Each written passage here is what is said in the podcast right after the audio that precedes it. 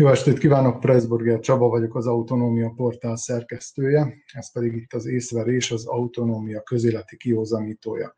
Mai műsorunkban három témát vitatunk meg. Az első témánk az a Magyarországon kiadható védettségi igazolvány kérdése lesz, illetve az, hogy kaphatnak-e azok a személyek védettségi igazolványt Magyarországon, akik mondjuk Szerbiában vették fel ezt a védőoltást. A második témánk az a vajdasági magyar közösség tájékozódására vonatkozik, illetve arra, hogy miből tájékozunk, milyen nyomtatott sajtót olvasnak a vajdasági magyarok.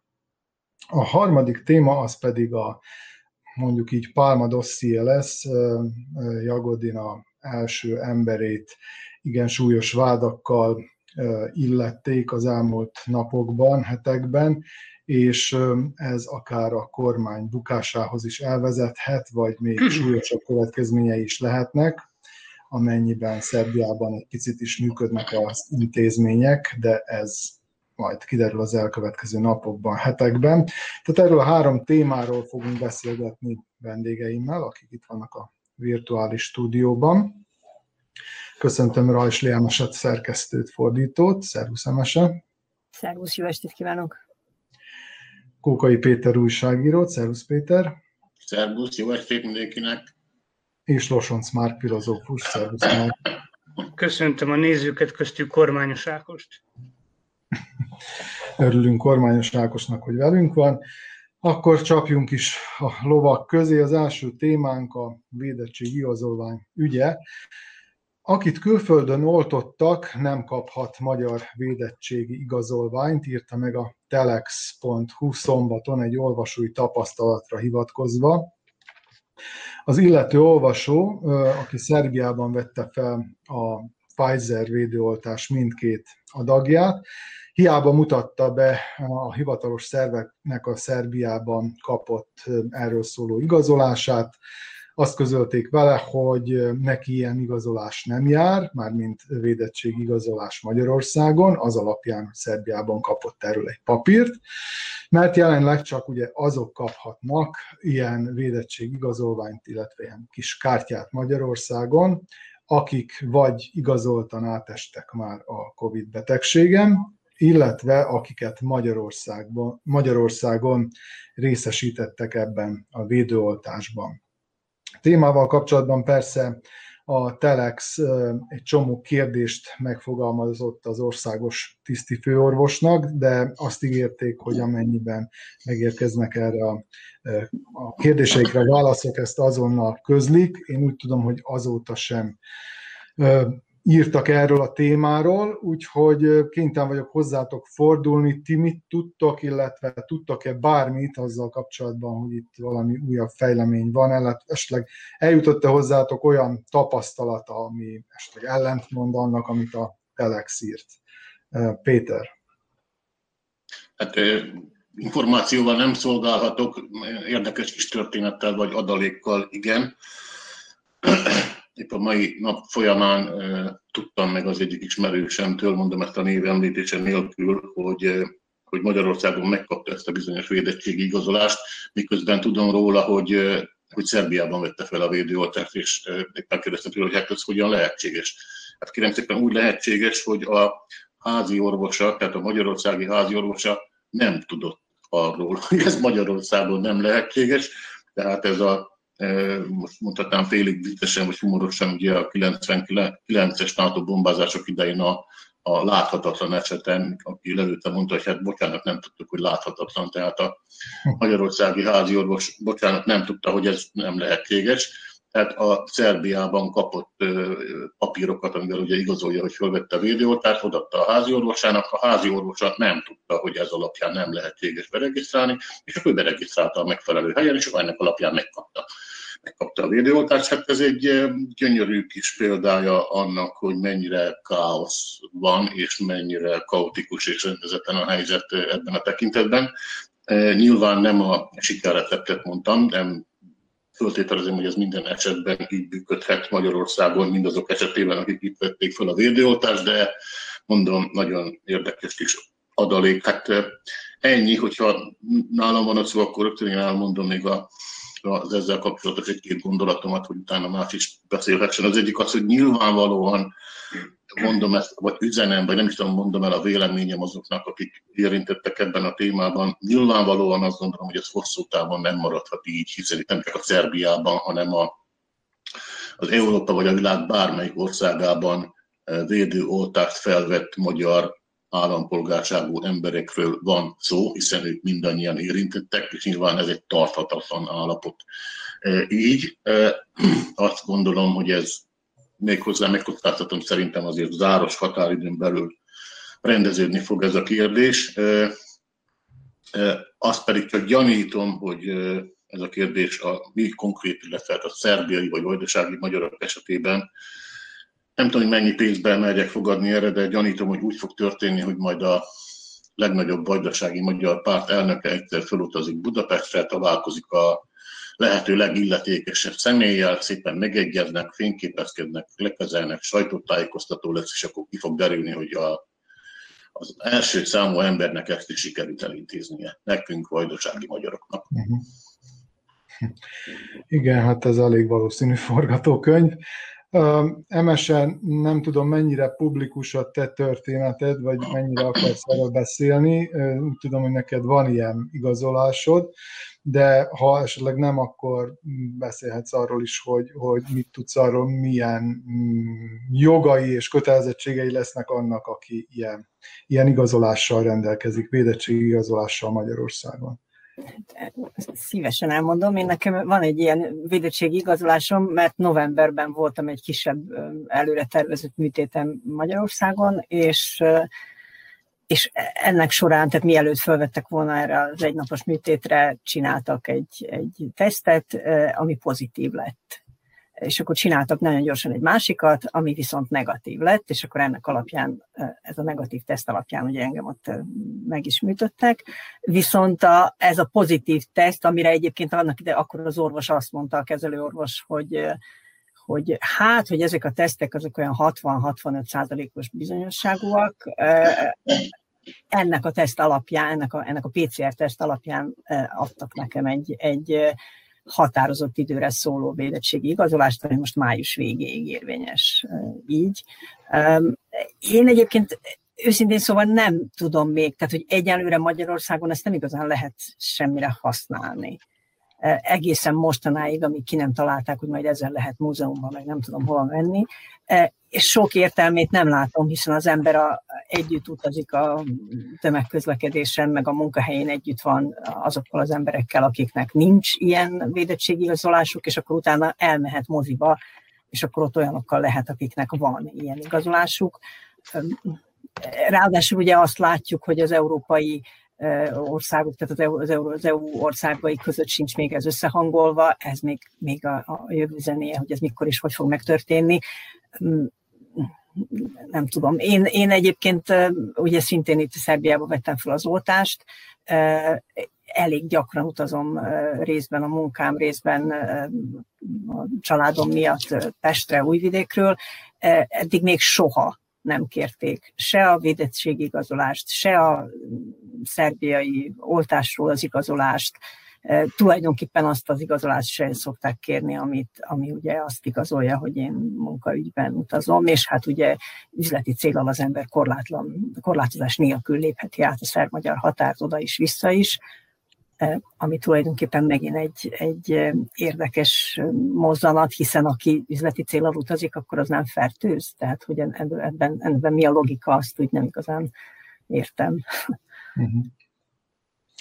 Mark, szerinted mennyire, hát mondjuk így viharabiliben ez az egész ügy, és uh, tulajdonképpen így is úgy is meg fog oldódni, vagy azért tényleg uh, érdemes erről beszélni, illetve utána menni a dolognak, hiszen mégiscsak több ezer, sőt több, akár több tízezer embert is érinthet. Nekem nincsenek többletinformációim, vagy izgalmas többlet tapasztalataim, amelyekről beszámolhatnék. Nekem csak egy szerbiai, illetve kínai oltottságom van, és mindössze ennyi az én történetem. Általánosságban véve is elmondhatjuk, hogy ami a koronavírus válságot illeti, van itt egy túl, túl bürokratizált állami káosszal lehet egy ilyen oximoronnal élni. Itt a gyógyszeripari mamut cégek versengése, itt a konfúz információ áramlás, és nem csodálkoznék rajta, hogyha szinte minden honpolgár úgy érezni, hogy a feje fölött döntenek a fölébe kerekedett elvont erők, és az ő hangja szinte sehol nem hallatszódik. Ugye talán érdemes emlékeztetni arra, hogy tulajdonképpen már hetekkel ezelőtt fölmerült, hogy a ezzel a magyarországi védettségigazolványjal kapcsolatban súlyos problémák vetetők fel. Ugye a TASZ, a Társaság az alapjogokért, a szabadságjogokért alaptörvény ellenesnek és diszkriminatívnak minősítette. Eleve probléma van, ha jól értem, azzal is, hogy igazából nem is a védettséget igazolja, hiszen például meg lehet kapni pár nappal az első oltás után, és egyáltalán nagyon bizonytalan és átláthatatlan az a követelmény, kritériumrendszer, amelyet ez a szabályozás igényel. Ugye Szent Pál mondta, hogy nem a az ember van a törvényért, hanem a törvénynek kellene lennie az emberért. Tehát most nem ezt látjuk, ez egy nagyon valóság idegennek tűnő szabályozás. Elég, hogyha végig tekintünk néhány példán a hétköznapokból, ugye mi történjen azzal, aki nagyon helyesen megkapott egy oltást külföldön, nem feltétlenül Szerbiában vagy határon túl, hanem akárhol másút, akkor most mégiscsak regisztráljon Magyarországra, és kapja meg ott a második oltást, vagy számos ilyen példa felvethető, amelyekből világosan látszik, hogy itt óriási a káosz, és kicsit vicces, vagy legalábbis megmosolyogtató, hogy eközben a Fidesz propaganda gépezete pedig mondjuk az élén Deutsch Tamással kampányol tulajdonképpen az Európai Uniónak a, a az oltási igazolványai ellenében mondván, hogy azok irreálisak, hát ez egy elég képmutató szituáció. Uh-huh. Jó, hát a témára még visszatérünk mindenképpen, amennyiben lesznek újabb fejlemények, és amennyiben hozzá tudunk bármit tenni az elemzésünkkel, a véleményünkkel. Mi most térjünk át a másik témánkra, a miből tájékozódnak a vajdasági magyarok programpontunkra.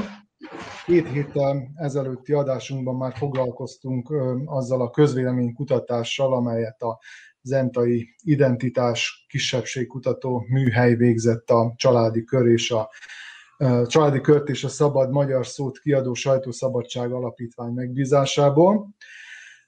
Akkor a vajdasági magyarok közérzetére vonatkozó adatokat próbáltuk értelmezni itt a műsorban. Ezúttal viszont szűkebb közösségünk média fogyasztási szokásait vesszük górcső alá.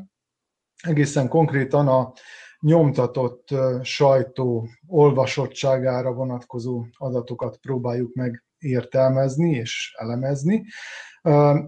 Először ismét Kókai Péterhez fordulnék, ezúttal úgy is, mint a Sajtószabadság Alapítvány, illetve hát a megrendelő vezetőjéhez, hogy egy picit beszéljünk arról, hogy milyen módszerekkel, hogyan készült ez a kutatás, illetve mennyire mondható egyáltalán reprezentatívnak. Igen. Hát ugye annyi bevezetőt kerítenék elé, hogy mi, mint vajdasági magyarok, vagy vajdasági magyarság túl kis közösség vagyunk létszámbelileg ahhoz, hogy, hogy saját megrendelésű közvéleménykutatások, most kutatásaink legyenek, illetve hát ezek nagyon ritkák, mert ez egy viszonylag költséges műfaj, ugyanakkor természetesen minden közösséget, ugye mi közösségünket is érdekli, hogy magának a közösségnek az állapota milyen, milyenek éppen a médiafogyasztási szokásai, vagy éppen kire szavazni, vagy éppen milyen a hangulata, vagy éppen hogyan látja a jelent a jövőt és a mutat, stb. stb. stb. Tehát Azért vagyunk büszkék erre, mert sikerült természetesen nem önerőből, nem lettünk volna képesek önerőből kifinanszírozni egy ilyen közvéleménykutatást, mert ez egy viszonylag, viszonylag drága műfaj. Támogatásból sikerült ezt megszervezni, tehát támogattak bennünket abban, hogy, hogy ezt ki tudjuk finanszírozni. A, hát azt elmondta te is, hogy az identitás kisebbség kutató műhely végezte a, a kutatást. Tehát az igazán szakmai részleteket nyilván ő vagy ők jobban el tudnák mondani. Azt tudom, illetve azt meg tudom erősíteni, hogy a, tehát mind a mind a földrajzi megosztottság, tehát összesen 30 településről szedtük az adatokat, vagy szedték, mind a, a létszám, mind a végzettség, a korfa, a stb. stb. Ne soroljam, tehát oda szeretnék kilukadni kérdésedre válaszolva, hogy igen, igen, reprezentatívnak tekinthető ez a minta, ez a mennyiség és, a, és, a, és a, az alkalmazott módszer alapján. Na most hát voltunk, itt már értem alatt a sajtószabadságot, voltunk annyira önzők, ugye idézőjelben, hogy ha már, ha már közvéleménykutatás, és ha már erre van lehetőség, akkor mi először a a médiafogyasztási szokásokat vegyük górcső alá, vagy vizsgáljuk meg. Jelzem, hogy legyen ez akkor ebben a reklám helye, eh, heti folytatásokban közöljük az eredményeket, a szabad magyar szóhasságjain lehet majd még heteken keresztül követni, mert több részletben fogjuk a kutatás eh, eredményeit ismertetni, eh, írott sajtó, nyomtatott sajtó, elektronikus sajtó, internetes sajtó, illetve az interneten való lét és a fogyasztási szokások, ezek még mind-mind-mind ezután fognak következni.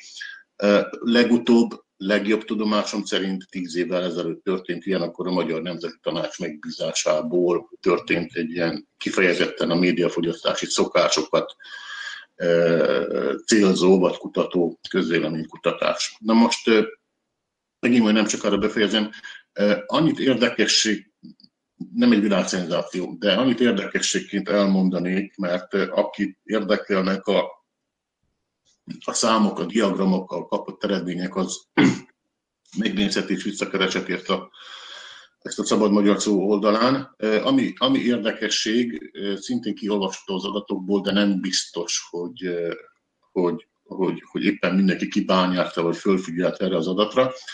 Tehát most meg oda szeretnék kilukadni, hogy a, a, a vajdasági magyarság okos telefonnal való ellátottsága százszázalékos. Most ez egy azért érdekes adat, mert maga a kivitelező, tehát a kisebbségkutató műhely, aki végezte a kutatást, mondta vagy mesélte nekem, hogy hát ez az adat még neki gyanús volt egy picit, picit úgyhogy ilyen kisebb belső ellenőrzést csináltak, hogy nem esetleg a kérdező biztos volt az, aki csak úgy beixolt valamiket, de kiderült, hogy nem, és az is kiderült, hogy nem először kapnak ilyen adatokat.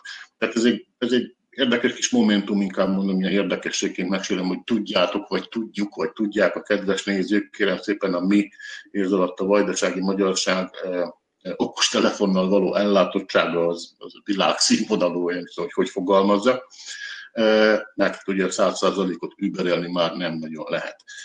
Na, tehát elmondtam, vagy elmeséltem itt most az előzményeket, meg egy adtam egy kis érdekes adalékot is, ugye most Csaba mondta a, a nyomtatott sajtót. Hát remélem a másik két vendég vagy meghívott, majd inkább abba belemegy, vagy értelmezi.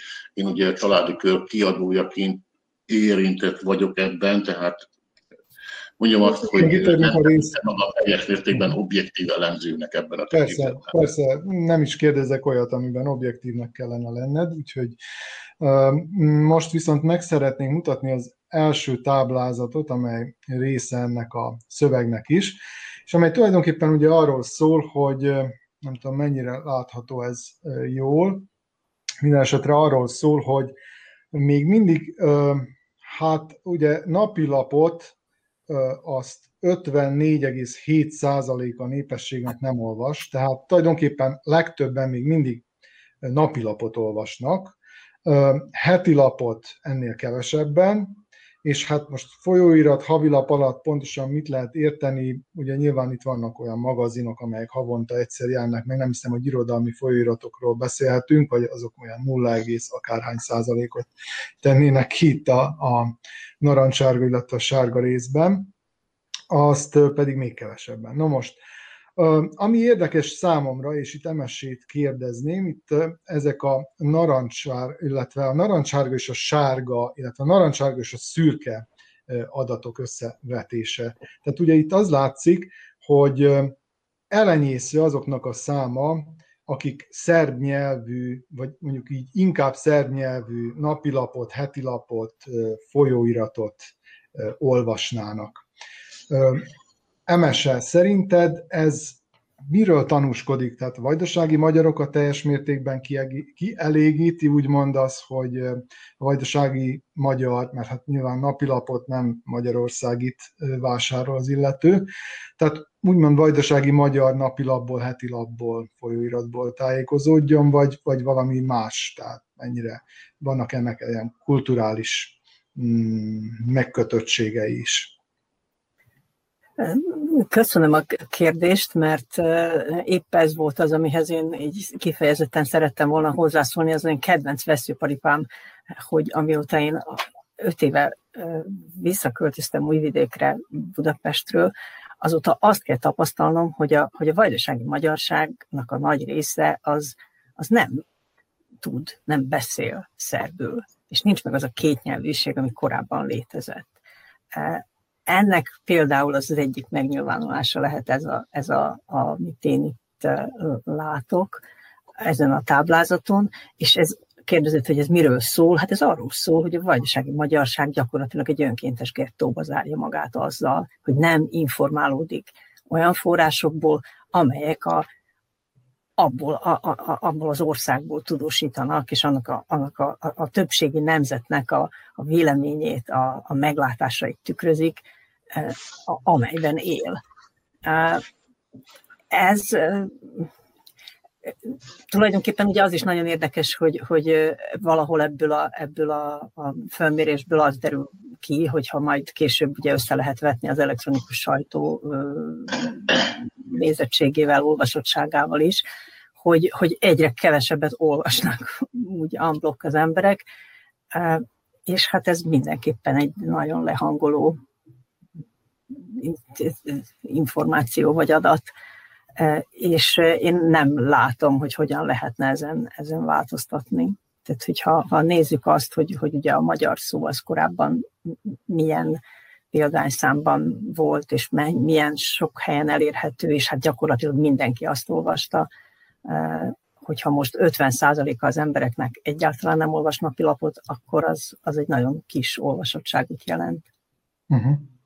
Uh, Márk, volt egy olyan mondat itt ebben a, ebben a cikkben, amely amely a nyomtatott sajtóról szólt, hogy minél, minél idősebb korosztályhoz tartozik valaki, annál inkább olvas napilapot. Mondjuk eddig nem annyira meglepő a, a, ez, amit megtudtunk. Azonban itt lebontották a legfiatalabb és a legidősebb korosztály napilap olvasási szokásait, ra, és azt találta a kutató, hogy a 18 és 25 év közötti korosztály 76%-a nem olvas napilapot, vagyis 24, jó számolok, igen. És a 65 évnél idősebbeknél ez az arány 40 százalék, tehát ott ugye 60 százalék olvas legalább időnként napilapot, vagy mondjuk így napilapolvasó. Mennyire mm, illeszkedik ez szerint a nemzetközi trendekbe? Tehát az az, az az igazság, hogy engem az lepett meg, hogy ilyen kicsi a különbség, illetve hogy ilyen sokan relatív sokan, 24% a fiataloknak, a legfiatalabbaknak, legfiatalabb fölnőtteknek olvas napilapot, és hogy hát mindössze 60% az idősebbek közül olvas napilapot, és nem nagyobb ez az arány. Tehát, hogy nem nagyobb ez az olló, hogy így mondjam. Hát gyanítom, hogy bár nincsenek pontos adataim, de gyanítom, hogy ez megfelel a globális tendenciáknak. Igazából kevés meglepetés ért, amikor a közvéleménykutatás eredményeit olvastam. Én is alapvetően arra figyeltem föl, mint MSE, hogy beigazolódott az, amit valójában sejtettünk régóta, de nem volt ilyen kézzelfogható számunkra, hogy tulajdonképpen a vajdasági magyarság úgy éli le itt az életét, hogy de facto nem honpolgár, hanem az etnikai mikroverzumába zárt, és ezt ilyen világosan kimutatva én még nem láttam, de írtam én is sok évvel ezelőtti cikkeimben, hogy hát gettóban élünk, és politikailag is, kulturálisan is tulajdonképpen hermetikusan lezártak vagyunk, de ilyen feketén-fehéren látni ezt igazán elkeserítő, hát így nem lesz semmi a kelet-európai tejtestvériségünkből.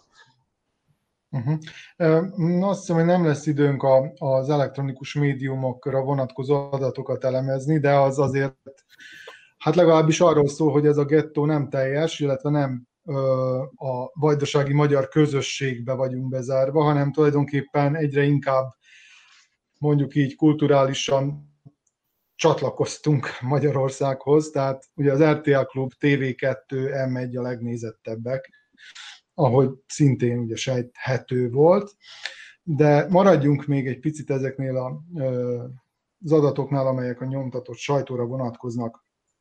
Péter, téged kérdeznélek, mennyire lepett meg benneteket az, hogy még mindig tulajdonképpen napilapot olvasnak a legtöbben, és, és nem mondjuk heti lapokat. Ugye ez, ez nagyjából levetíthető arra, mivel a legtöbben magyar nyelvű napilapot, magyar nyelvű heti lapot olvasnak, akkor ez így egészen konkrétan kimondható, hogy hát magyar szót olvasnak, mint napilapot, illetve hét napot és családi kört olvasnak, mint heti lapot hogy lehet összehasonlítani egyáltalán a napi lapolvasottságot a heti lapolvasottsággal lévén, hogy az egyik ugye hatszor jelenik meg, a másik hetente csak egyszer jelenik meg. Tehát, hogyha itt súlyozni kell, vagy volt egy valami súlyozás, ami, ami arra juthat, vagy arra jutott, hogy a napi lapolvasás az, az többet nyom alatban, mint a heti lapolvasás. Hát, hogyha jól értelmeztem, akkor két kérdést kaptam. Az egyik az az, hogy hogy lehet összehasonlítani a heti lap olvasottságot, vagy a heti lapot a napi lappal. Hát, hogy ne húzzam itt fölöslegesen a műsorodat, mondjam azt, hogy sehogy. Hát nyilván sehogy.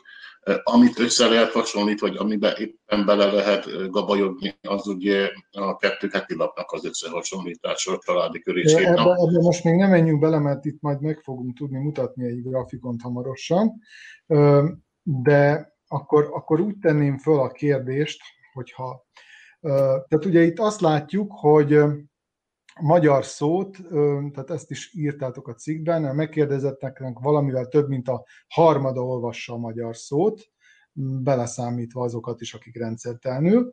11,2 százalékuk minden számot, 24,3 százalék majdnem minden számot, és 64,5 százalékuk pedig ritkán nem rendszeresen olvas bele a Vajdasági Magyarság egyetlen nap, nyomtatott napilapjába. Próbáltatok-e ezek alapján, a kapott adatok alap, alapján mondjuk a magyar szó számára következtetni? Nem, példányszámban nem próbáltunk következtetni, azt viszont még megtehetjük, mi vagyunk ugye a megrendelő, tehát bármelyik pillanatban megtehetjük, az eddig nem tettük meg, hogy, hogy mélyebben belemegyünk az elemzésbe. Ugye, tehát itt az adat szakmabeli nem vagyok, úgyhogy elnézést, a laikus kifejezéseket használok, de az adatok keresztezésével itt még sok minden dolog érdekesség kiderülhet. Most konkrétan a magyar szó esetében ugye, ha megnézzük a korosztályos leosztást, majd például föltételezhetően az fog kiderülni, hogy hát döntő többségében az idős korosztály olvassa. A, a, a földrajzi leosztás, tehát hogy hol olvassák a magyar szót és hol nem olvassák, hát ezek már a mély, mély vagy részletes elemzések lehetnek a különböző adatok keresztezésével, itt még nem tartunk. Én azt gondolom, hogy nagy általánosságban erre, erre az a válasz, hogy a, magyar szónak, amelynek a szerkesztés politikája az nyilván akár egy külön műsor témája is lehetne, úgyhogy itt most visszafogom magam, és ennek a gondolatnak itt pontot teszek a végére.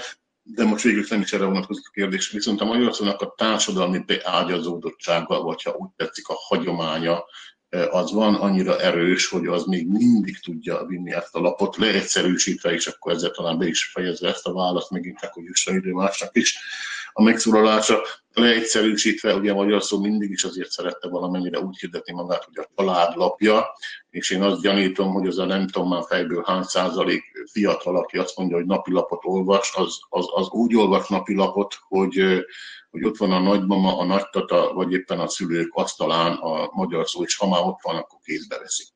Ugye a kérdést nem úgy tettük fel, hogy vásár, ha jól emlékszek, a kérdést nem úgy tettük fel, hogy vásárol, az egy, az, az egy másik kategória, úgy tettük fel, hogy olvas. Hát igen, én, én elhiszem, hogy annyi százalék fiatal olvas, úgyhogy a szülő vagy a nagyszülő asztalán meglátja, azt kevésbé hiszem, hogy ennyi vásárol is. Uh-huh.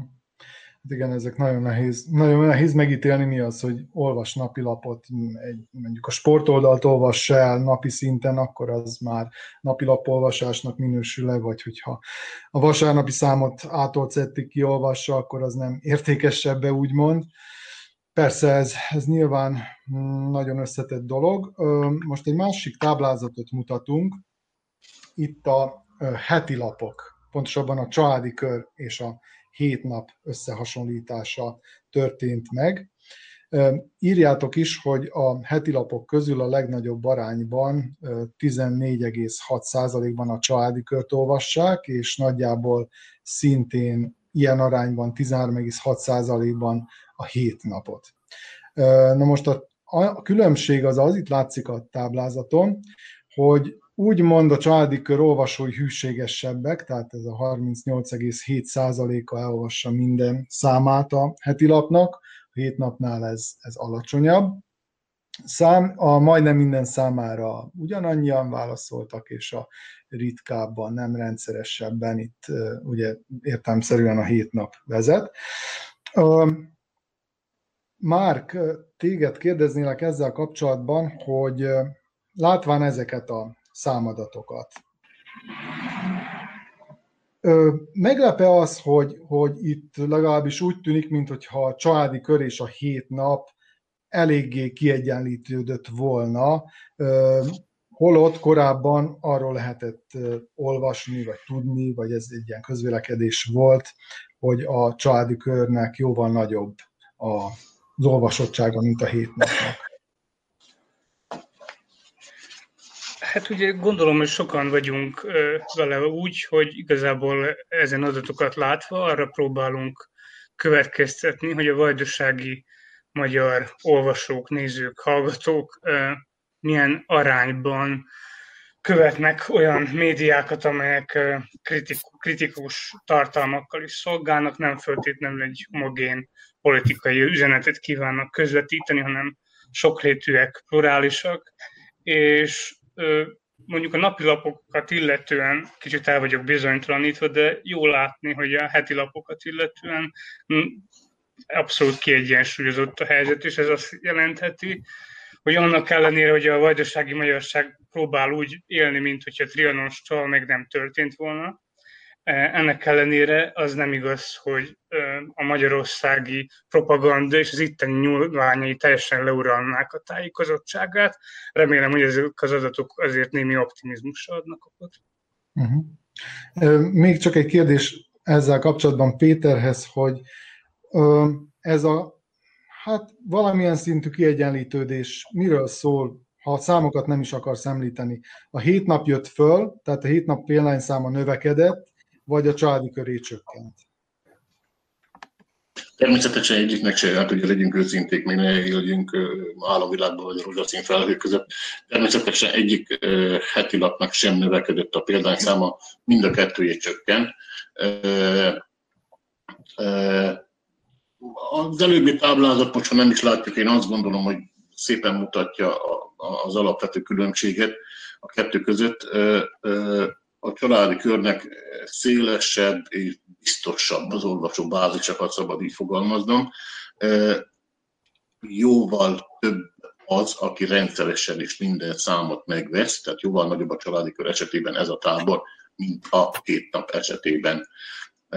Én most tényleg azért dadogok itt, mert próbálom visszafogni magam a hét nap esetében igen sok a mesterséges megrendelés, tehát önkormányzatok kötelezve vannak, na, de végül is miért, miért dadognék akkor, amikor vannak olyan tények, amiket tudunk. Tehát a hét nap példány száma bizonyos mértékig még így is mesterségesen föntartott, azok, a, azok az önkormányzatok például, ahol vagy akár közintézmények, ahol az uralkodó párt, vagy a legerősebb vajdasági magyar pártnak befolyása van, ott a hét nap megrendelése nem egy példányszámban példaértéklenesség sok példányszámban a hét nap megrendelése kötelező. Tehát vannak ilyen mesterséges politikai eszközök, amikkel, amikkel hozzájárulnak, hogy finoman fogalmazok, hozzájárulnak a hét napnak a példányszámához. Uh-huh. Emese még egy utolsó kérdés a témával kapcsolatban. Szerinted mi az tartalmilag, ami, ami hiányzik mondjuk a heti lapokból, amelyekkel tartalmasabbá, jobban lehetne tenni őket, és esetleg akár még a példányszámukat is növelni lehetne. Hát én műfordítóként biztos, hogy az irodalmat mondanám, de ugyanakkor viszont ismerve azt, hogy milyenek a vajdasági magyar könyvvásárlási és folyóirat, irodalmi folyóirat vásárlási szokásai, ez így eléggé hát túlzottan optimista ötlet lenne. Hát én például személy szerint független politikai elemzéseket tartanék jónak, ha, ha olyan, olyan lenne és létezne. Meg tulajdonképpen én nekem az egész, az egész mostani tehát a téma kapcsán az jutott még eszembe, hogy, hogy vajon mennyire tevődnek át a napilapok, tehát a napilapok olvasása mennyire tevődik át a, a, az elektronikus felületekre és hogy ennek, ennek milyen jövője van, és milyen változások várhatók ezen a téren. Én egy, azt feltételezném, hogy a, hogy a fiatalabbak azok, azok az online felületen olvassák az appot, de, de nem vagyok benne biztos, hogy ez valóban így van. Nem tudom, hogy erre kiterjedte egyébként a, a, a közvéleménykutatás. Nem tudom, hogy Péter erre tud-e valamit mondani. Természetesen. Természetesen, természetesen kiterjedt, csak azokat a részeket még nem publikáltuk. Azok még nem volt, nem Rá hajrá türelemmel lenni, és igen, jönni fognak ezek az adatok is, igen. igen. Jó, arra is biztosan ki fogunk térni az egyik következő adásunkban. Most viszont akkor térjünk át a harmadik témánkra, a Pálma dossziéra. A szerbiai társadalomról hát igazán nem mondható el, hogy ne vonna permanens botrányokra kondicionálva, hogy ilyen szépen fogalmazzak. Éppen ezért már szinte immunissá vált a sorjázó korrupciós afférokra, maffia leszámolásokra, eltussolt visszaélésekre, amelyekről, amelyekben a hatalom legfelsőbb körei is érintettek.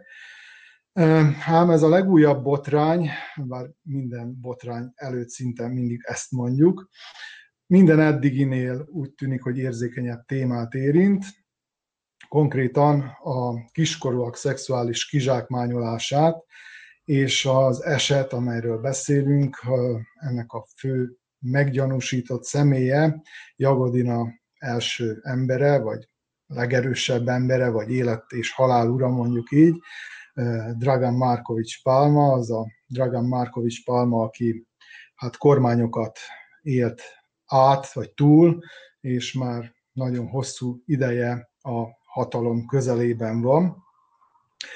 Röviden összefoglalnám a történetet azoknak, akik esetleg nem követték minden részletében. Tehát a lényeg annyi, hogy Marinika Tepics az ellenzéki szabadság és igazságosság pártjának tisztségviselője, múlt héten tartott egy sajtótájékoztatót, amelyen bemutatott egy felvételt, és ezen a felvételen egy identitását nem vállaló, tehát az arcát kitakarták, illetve a hangját megváltoztatták, egy szemtanú, arról számolt be, hogy Jagodinában, ebben a közép-szerbiai városban, ahol Pálma mindenek megmondhatója, korábban polgármester volt, most formálisan a képviselő testületnek az elnöke.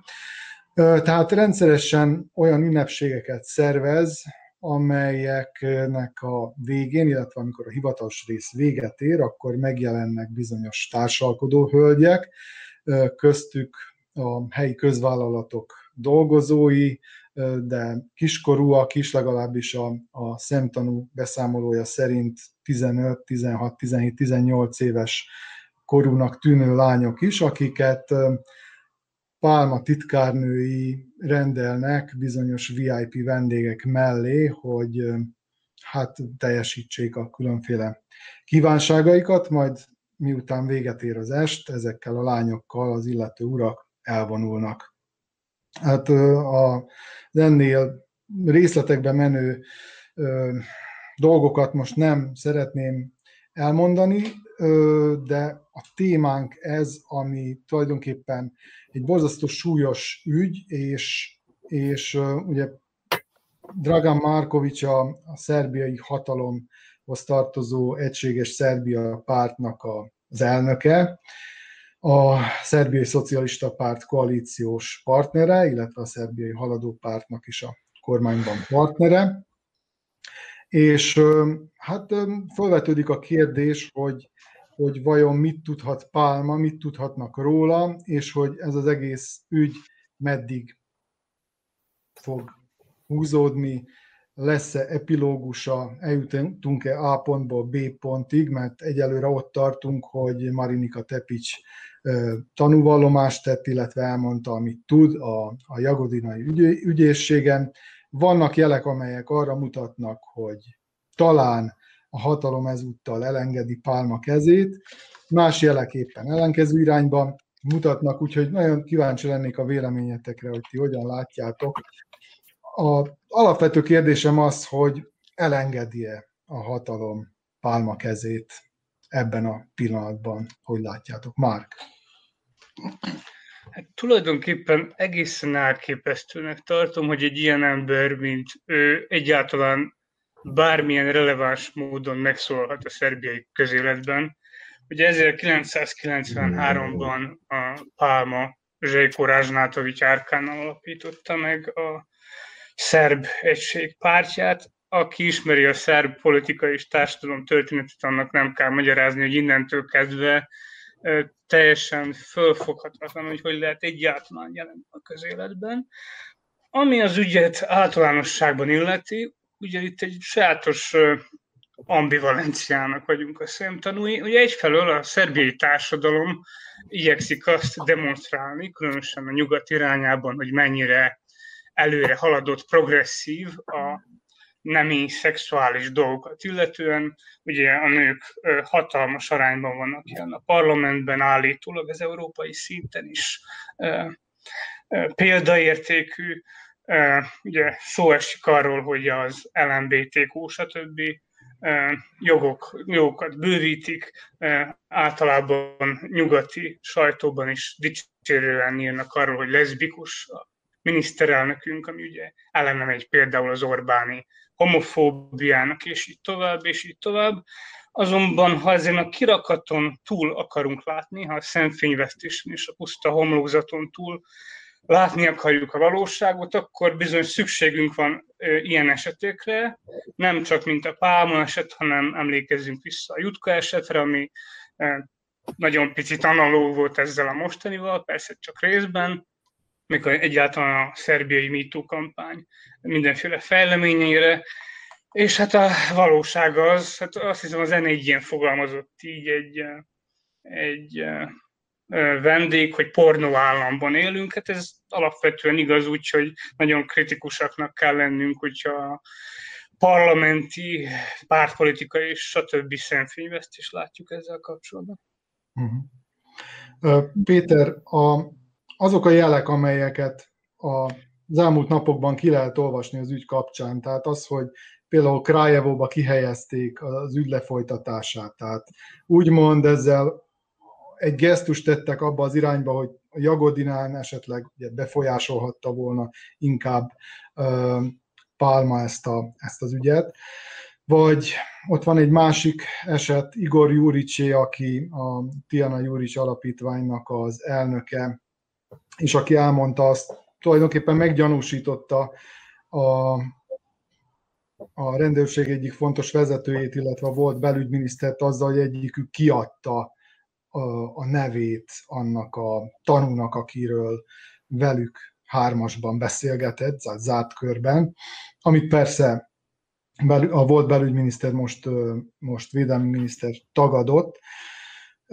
Egészen odáig, hogy ugyanez az Igor Júrics kijelentette az Utiszak Nedeje műsorában azt, hogy ha ővel az elkövetkező napokban bármit történne, ami öngyilkosságra utalna, akkor tudják azt, hogy nincsenek öngyilkos hajlamai, és nem gondolkodik ilyesmin, tehát hogy ezzel egyértelműen előre kivétte esetleg azokat a azokat a, az, azt a gyanút, hogy, hogy saját kezével vetett véget az életének. Tehát egyszerűen emberek félnek, vagy ha nem is félnek, de legalábbis tartanak attól, hogy, hogy itt olyan erős ellenfélel állnak szemben, amit ami, amivel nem tudnak, amivel nem tudnak leszámolni.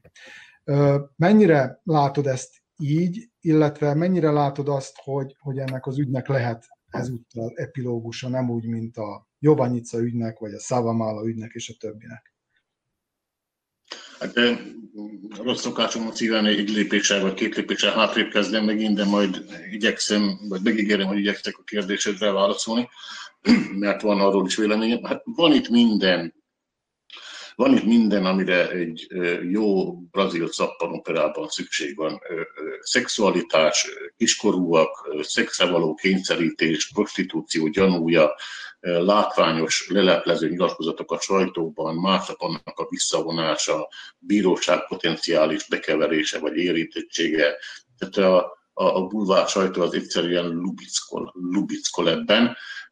Ugyanakkor valahol azt kell mondjam, hogy nem baj. Ez az a pillanat, amikor hirtelen és váratlanul lerántódik a lepel, a politikus és a közéleti személyiségnek a, a, az általában félfe őrzött és titkolt életéről, de hát a politikus és a közéleti személy az, aki ugye még ha közhelyszerű, de a mi pénzünkből él, és ezért megkülönböztetett figyelmet érdemel idézőjelben. Úgyhogy nagyon helyes az, ha erről a nyilvánosság értesül, még akár a bulvár módszerek alapján is, és nagyon helyes az, ha ebből, ebből idézőjelbe, vagy akár nem idézőjelbe ügy, ügy lesz. Na most, hogy mondjam, ellenáll, és ez, ez, ez már válasz akar lenni a te kérdésedre, ellenállhatatlan sajnos bennem a kényszer, hogy párhuzamot vonjak a hasonló jellegű magyarországi történések és a mostani szerbiai történések között. Ugye Magyarországon is láttunk méghozzá nem egy politikusi botrányt, amelyben a szex hangsúlyosan volt jelen, hogy így fogalmazzak.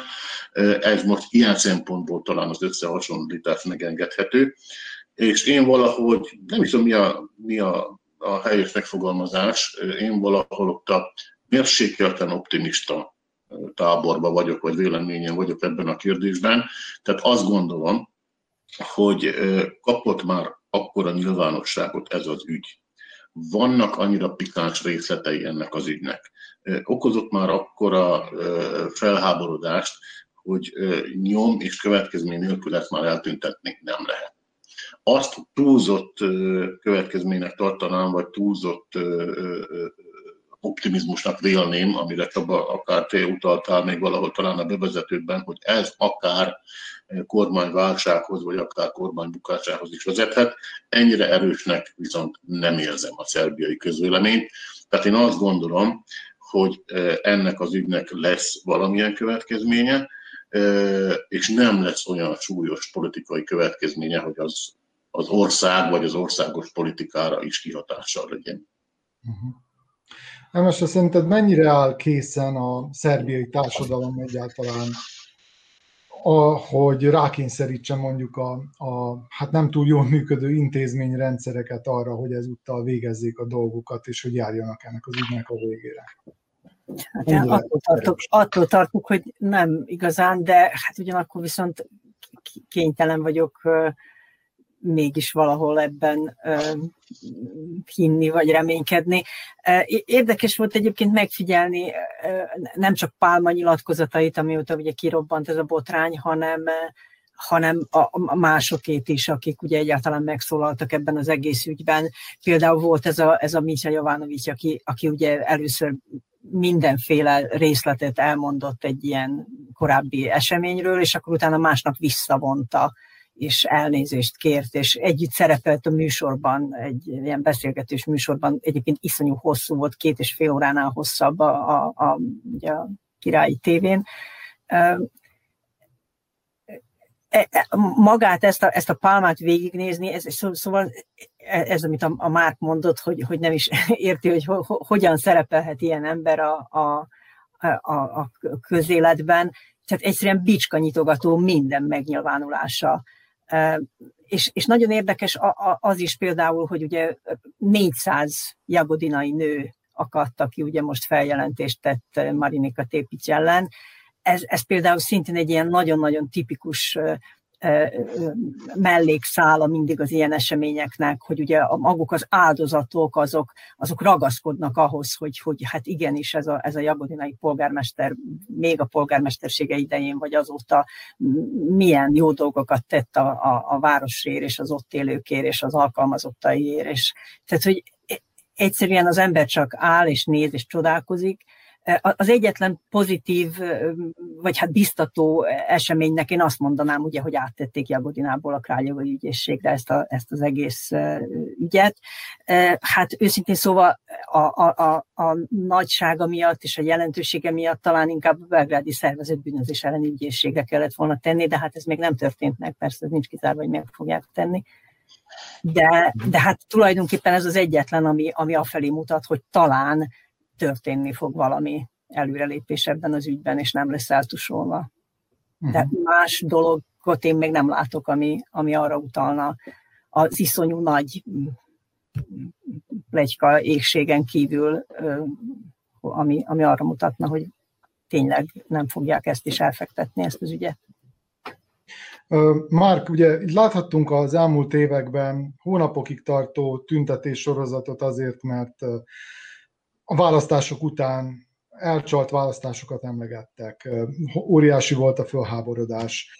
Ez az ügy, amennyiben megpróbálnák eltussolni, megítélésed szerint kiváltana-e hasonló méretű tiltakozás hullámot az országban? Nem, ezt illetően kételjeim vannak. Azért Pálma annyira nem fontos ember, hogy miatta valamiféle vihar kerekedjék, de érdemes egyébként szerintem figyelni, hogy ez az ügy miként mutatja meg, hogy tulajdonképpen a szerbiai politikai elit mennyire romlott. Ugye megfigyelhettük, hogy Zorana Mihálovics ahelyett, hogy az áldozatokat, az áldozatok miatt aggódott volna, letámadta Marinika Tépicsét. Goldana Csómics, akit ugye körbe ünnepeltek, amiért az emberjogi hátterével került be a minisztériumba. Ő nem volt hajlandó kommentárt megfogalmazni az ügyel kapcsolatban. Ugye tudjuk, hogy az Anna, Anna Brnovic, akiről az előbb azt mondtam, hogy nyugaton ünneplik, mint a leszbikus miniszterelnököt, ő maga mondta, hogy ő, hát őt is hívták, ezt még pár éve mondta, őt is hívták ezekre a bunga-bunga eseményekre, úgyhogy igazából nem is biztos, hogy a pálma egyedül itt a fontos, hanem a, igazából a körülötte levő politikai elitnek a romlottsága. De ezt viszont igazából tudjuk, tehát ennek nincs információ értéke, tehát nem hiszem, hogy motivációs e, erőként szolgálhatna ahhoz, hogy valamiféle össznépi lázadás kerekedjék. Magyarán azt mondod, hogy Jagodina nem, a, nem egy egyedi eset, hanem csak a jéghegy csúcsa, ha jól értem. Hát nem annyira fontos, mint Temerén minden esetre. Aha.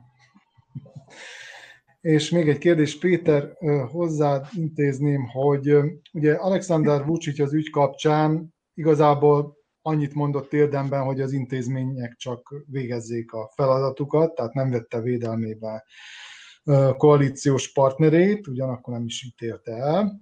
Mire utal számodra ez a mondat, illetve Vucicnak a hozzáállása? Ez egy politikusi mondat volt, de tulajdonképpen jó, hogy ezt kérdezted, és éppen tőlem, mert tehát az előbbi gondolatmenetemet talán nem sikerült teljesen befejeznem. Azért mondtam, hogy mérsékleten optimista vagyok, mert mérsékleten optimista vagyok a magyarországi összehasonlításhoz képest. Tehát ott azért azt láttuk, hogy egy lemondás elég ahhoz, hogy utána egy ügynek semmilyen további komoly következménye ne legyen. A, mondjam így, a, a, a, a hatalmi pillérek, vagy egész konkrétan a bíróság és az igazságszolgáltatás itt Szerbiában azt kell mondjam, vagy legalábbis ez az én meglátásom azért még mindig nincs annyira igába hajtva, amennyire például Magyarországon van. Tehát ha így relativizálom ezt a kérdést, akkor a, valahol, valahol ez a kérdés kivezethető oda is, hogy a demokrácia állapota hol milyen szinten van.